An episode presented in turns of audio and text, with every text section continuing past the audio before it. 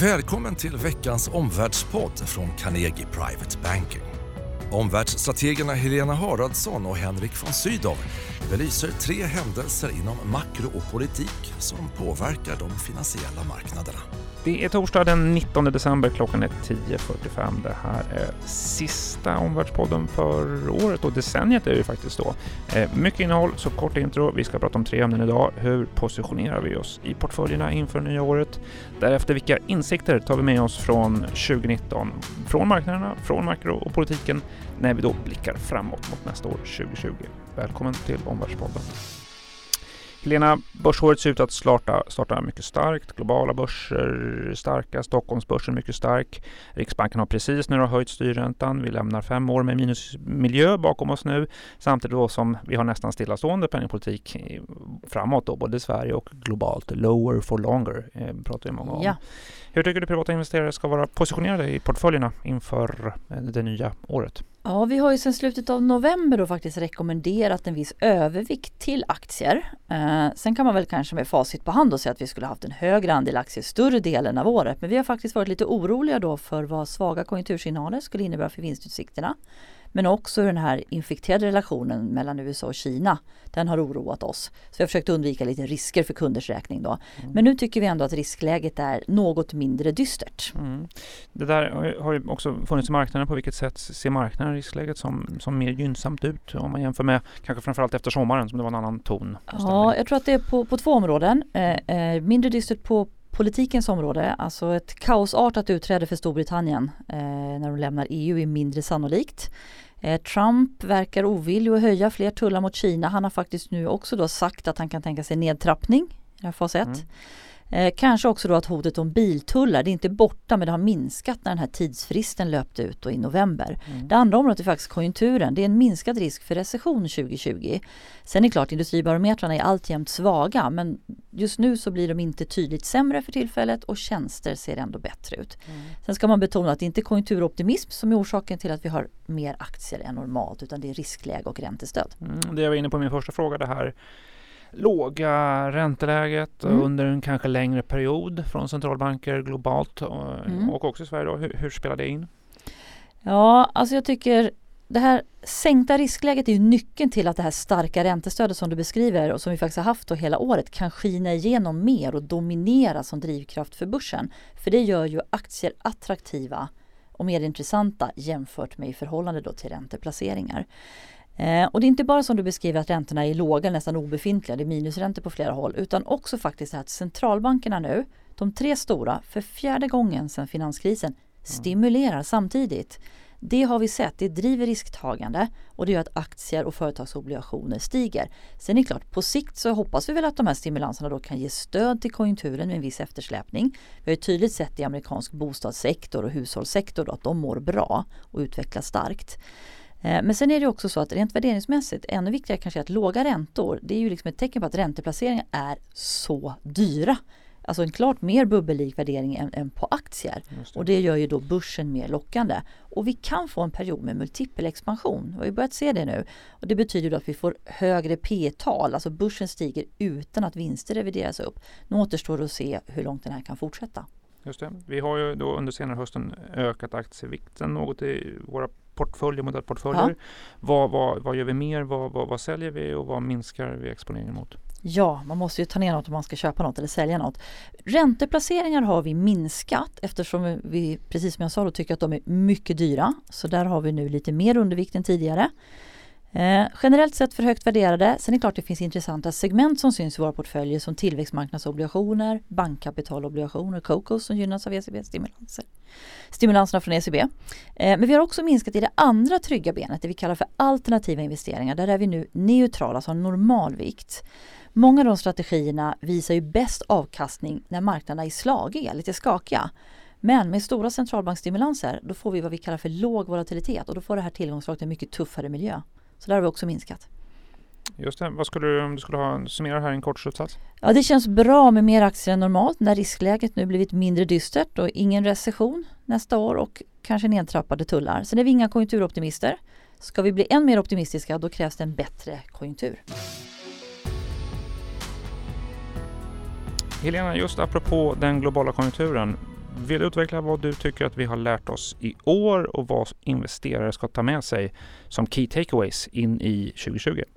Ja, när det gäller makromiljön då för investeringsklimatet så är den stora tunga slutsatsen som är så tydlig. Det är ju att räntestödet dominerar så fort något inte stör bilden. Alltså räntorna i USA har ju fallit då på, på ett år från över 3% till 1,5-2. Det är ett stort ras.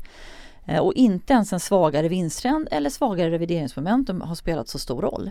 Sen är det klart, vi har sett perioder med skrämselhicka från svagare makrosignaler så sent som fjärde kvartalet förra året. Men också i somras tror jag en trist börs. Sen har vi också sett hur svag, perioder med svaga makrosignaler ger en svag krona. Och då ska man ju ha, gärna ha mer utländska aktier, både av risk och valutaskäl. Eh, kronan som vi tidigare sagt i poddarna då fungerar ju som en krockkudde i orostider. Det tycker jag också är en lärdom från året. Mm. Sen är det klart, börsen har ändå stigit får man väl säga Henrik då, över mm. 25 procent. Trots att vi nu vet att Brexit blir av, trots att vi har högre tullar än när vi gick in i året och trots att global tillväxt är svag och vinsterna faktiskt nu de sista kvartalen har stagnerat. Mm. Eh, räntorna, det som nu då driver börsen. Eh, vilka är de andra färska makrosignalerna vi har inför 2020? Ja, på räntesidan så är det ju det här att det är eh, kvantitativa lättnader, QE, som dominerar och det har vi sett sedan finanskrisen. Och förra veckan fick vi ju lugnande besked både från Fed i USA och ECB i Europa Båda beskriver att det är svårt att få upp inflationen eh, och de vill gärna se detta och det här borgar ju då starkt för låga räntor även under 2020 och även bortanför det. Mm. Eh, sen Riksbanken som du själv nämnde då, de eh, har ju gått lite emot. De höjde räntan till noll här men det har de ju tydligt signalerat så nu har vi inte längre minusränta. Men nu är det stopp. Det kommer inte fler höjningar utan de kommer hålla nollan och får man tro deras egna prognoser så ända till slutet av 2022, fjärde kvartalet. Mm. Eh, inflationen är ändå bara 1,7-1,8 procent. Målet är ju 2. Och faktiskt också att två ledamöter då ville vänta med en höjning. Så att mycket talar för att det blir en oerhört lätt politik i flera år. Just det, Anna Breman, nya ledamoten i direktionen, Precis. valde att reservera sig direkt hennes första möte. Ja, mm. så man kan väl säga att det investeringsklimat vi tar med oss in i 2020 då, det är ju i den positiva vågskålen, det är ju det här med räntor likviditet, kanske också mm. lite teknisk analys där det är bra signaler. Mm. Mer motvinder och i den andra vågskålen har vi ju faktiskt från makro och vinster. Det är under potentiell tillväxt i år och nästa. Vinsttillväxten globalt förväntas bli 5 det är inte jättehögt. Och sen då kanske riskläget som är lite mer normalt men alltjämt en tweetmiljö som man kan vakna upp till och bli skrämd. Det kan svänga snabbt. Några andra observationer kring bolag och sektorer som du tycker som du gärna vill dela med lyssnarna? Ja, om vi ska ta några korta då. För Sverige i år, då har det varit bankaktier i botten och verkstad i toppen. Men där vill jag göra en observation när det gäller valutor. Det har inte varit den svaga kronan som styr verkstadssektorn, faktiskt nästan tvärtom. Det visar sig att det är volymer och efterfrågan och det är så att säga allmänna riskaptiten som styr den sektorn snarare. Eh, och när det gäller handelskrig kan man väl göra en observation då i alla fall att Ericsson har ju faktiskt varit en vinnare på de här motvindarna som har mött Huawei. Sen har Ericsson gjort mycket rätt själva också. Men de skulle man kunna lyfta fram som en vinnare i det här techkriget som pågår mellan USA och Kina. Mm. I alla fall i år. Ytterligare något att ta med sig? Eh, ja, ESG. Alltså mm. miljö har ju verkligen hamnat i fokus. Det ser vi på kapitalflöden, vi ser det på bolagsagerande. Men vi ser det också på Canadian Private Banken i vilka portföljer som efterfrågas. Sen är det här då naturligtvis medvindar för vissa sektorer, bolag, motvindar för andra.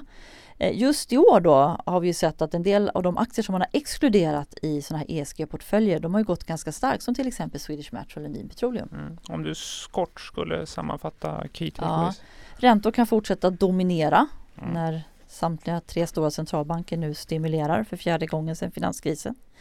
Det här gör aktier attraktiva om inget stör bilden. Men inför 2020 tar vi också med oss den här dragkampen i konjunkturen mellan svag industri och starka hushåll. Ja, tredje ämnet Henrik. Eh, innan vi pratar lärdom från året som gått så har vi haft en händelserik utveckling sen senaste podden. Både vad det gäller utsikterna för handelsavtalet, USA-Kina men också Brexit. Lite kort, var står vi nu när vi ska stänga året i båda de här processerna? Ja, vi nämnde det kort, men nu har vi alltså ett ännu inte undertecknat avtal, ett så kallat fas 1-avtal mellan USA och Kina.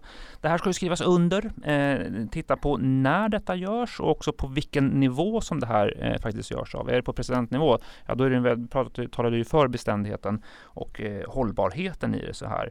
Men som sagt, eh, osäkerheten är om det här skulle dra ut på tiden. Då kan det vara andra geopolitiska händelser, till exempel situationen i Hongkong som kommer upp och, och kan störa ett eventuellt undertecknande av detta.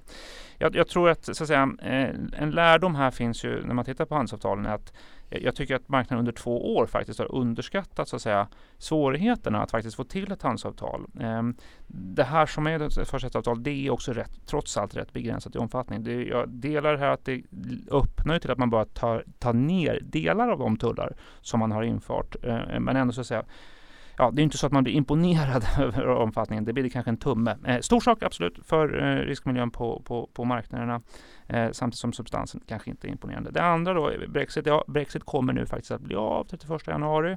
Lärdomen för investerare. Det här kan då vara kanske ett tveeggat svärd för investerare. Kortsiktigt får vi just precis klarheten. Samtidigt långsiktigt, britterna kommer med sin ekonomi långt utanför Europa, långt utanför Sverige, utanför inre marknad, utanför tullunion. Eh, vi kommer gå mot 2020 eh, mot förhandlingar då, som handlar om att faktiskt försämra villkoren för import vad gäller bilindustri, läkemedelsindustri, livsmedel, finanstjänster med mera, med mera. Man kan ju eh, dela upp olika sektorer mm. i ekonomin. Det där. Jag tror att information från båda de här processerna kommer, kommer att finnas i marknaden eh, mm. också under 2020. Om du sätter de här händelserna i ett längre sammanhang, vilka trender ska investerare notera då? Ja, vi har delvis berört det här under podden under året, men den långa trenden är ju ändå så att säga att globaliseringen går både framåt och bakåt och tappar lite fart så att säga. Vi har en Eh, partiell deglobalisering, Brexit är ju ett väldigt tydligt exempel på det där. Trumps flera olika fronter i handelskonflikten är eh, ett annat på det där. Sen har vi den trenden som kallas för decoupling, alltså händelser av så att säga icke-tariffär eh, karaktär, oftast då kopplade till en teknologisk geopolitisk maktkamp, alltså exportrestriktionen av, av, av, av eh, material som är viktigt i teknologiproduktion, svartlistningar av enskilda bolag, ett ökat inslag av politisk kontroll och påtryckningar kopplat till investeringsbeslut, särskilt kring 5G. Den tredje trenden är då det man kan kalla för en destabilisering av internationella organisationer, uppenbart, med WTO som ju kringskärs i de handelsförhandlingar som vi ser mellan till exempel USA och Kina. Mm. Och just den här längre sikten kan vi ju tillåta oss så här vid årsskiften. Vilken betydelse har det för investerare då på lång sikt? Ja, man ska väl se det också då längre skikt bakåt att under två, kanske till och med tre decennier så har globaliseringen varit e-, en medvind, kanske till och med en motor för eh, tillväxt, produktivitet och också för eh, bolagens vinster och därmed gett så att säga, stöd till, till aktier förstås. Och där. Det är möjligt att den medveten för globaliseringen inte blir lika stark i en miljö som präglas av en serie olika konflikter av geoekonomisk och geoteknologisk karaktär. Eh, inte, inte samma stöd till tillväxt, produktivitet och vinster som, som varit historiskt. Plus att den här utvecklingen skapar naturligtvis nya vinnare och förlorare. Alltså multinationella bolag som nu lägger ner, lägger ner mer tid på hur man ska lägga om sina produktionskedjor lägger samtidigt om mindre kraft kanske på att utveckla sin konkurrenskraft. Samtidigt som bolag som är mindre exponerade och mer skyddade mot eh, global osäkerhet kan bli mer intressanta. Jag tror att nyckeln är förstås USAs vägval eh, i de här så säga, serier med konflikter som är kopplade till den här utvecklingen. USAs vägval i presidentvalet naturligtvis av, avgörande eh, på, på, på, på, längre sikt men också fram till den händelsen. Just beroende på att USA är naturligtvis en central aktör, världens största ekonomi i en tid när världen är globalt mer integrerad mm. än, än någonting tidigare. Ja, ja. Man, man, kan vara lite positiv här och säga så här. Eh, både, jag, jag tycker, ja, både de vägval som görs fram till presidentvalet men också presidentvalet kan ju sluta på ett sätt som då eh, faktiskt fungerar positivt i det här att USA får en, en president som är ändå mer orienterad på att ta ner antalet konflikter med omvärlden och också ta ner nivån på där. Mm. Eh, för Trump kommer det vara väldigt viktigt att ekonomin fungerar bra under valåret. Mm. Eh, det, det, han vill också komma ut eh, som en just dealmaker, bevisare där. Så att det där blir mycket spännande mm. att följa. Om vi ska ta en kort slutsats. Jag tror att trender, trender som deglobalisering, decoupling och destabilisering av internationella organisationer det eh, kommer att prägla också 2020 och kanske till och med det närmaste decenniet. Då. Eh, I den här eh, geoekonomiska eran så blir geopolitiken en allt mer materiell faktor i investeringsprocessen. Mm. Så veckans tre slutsatser inför 2020 då.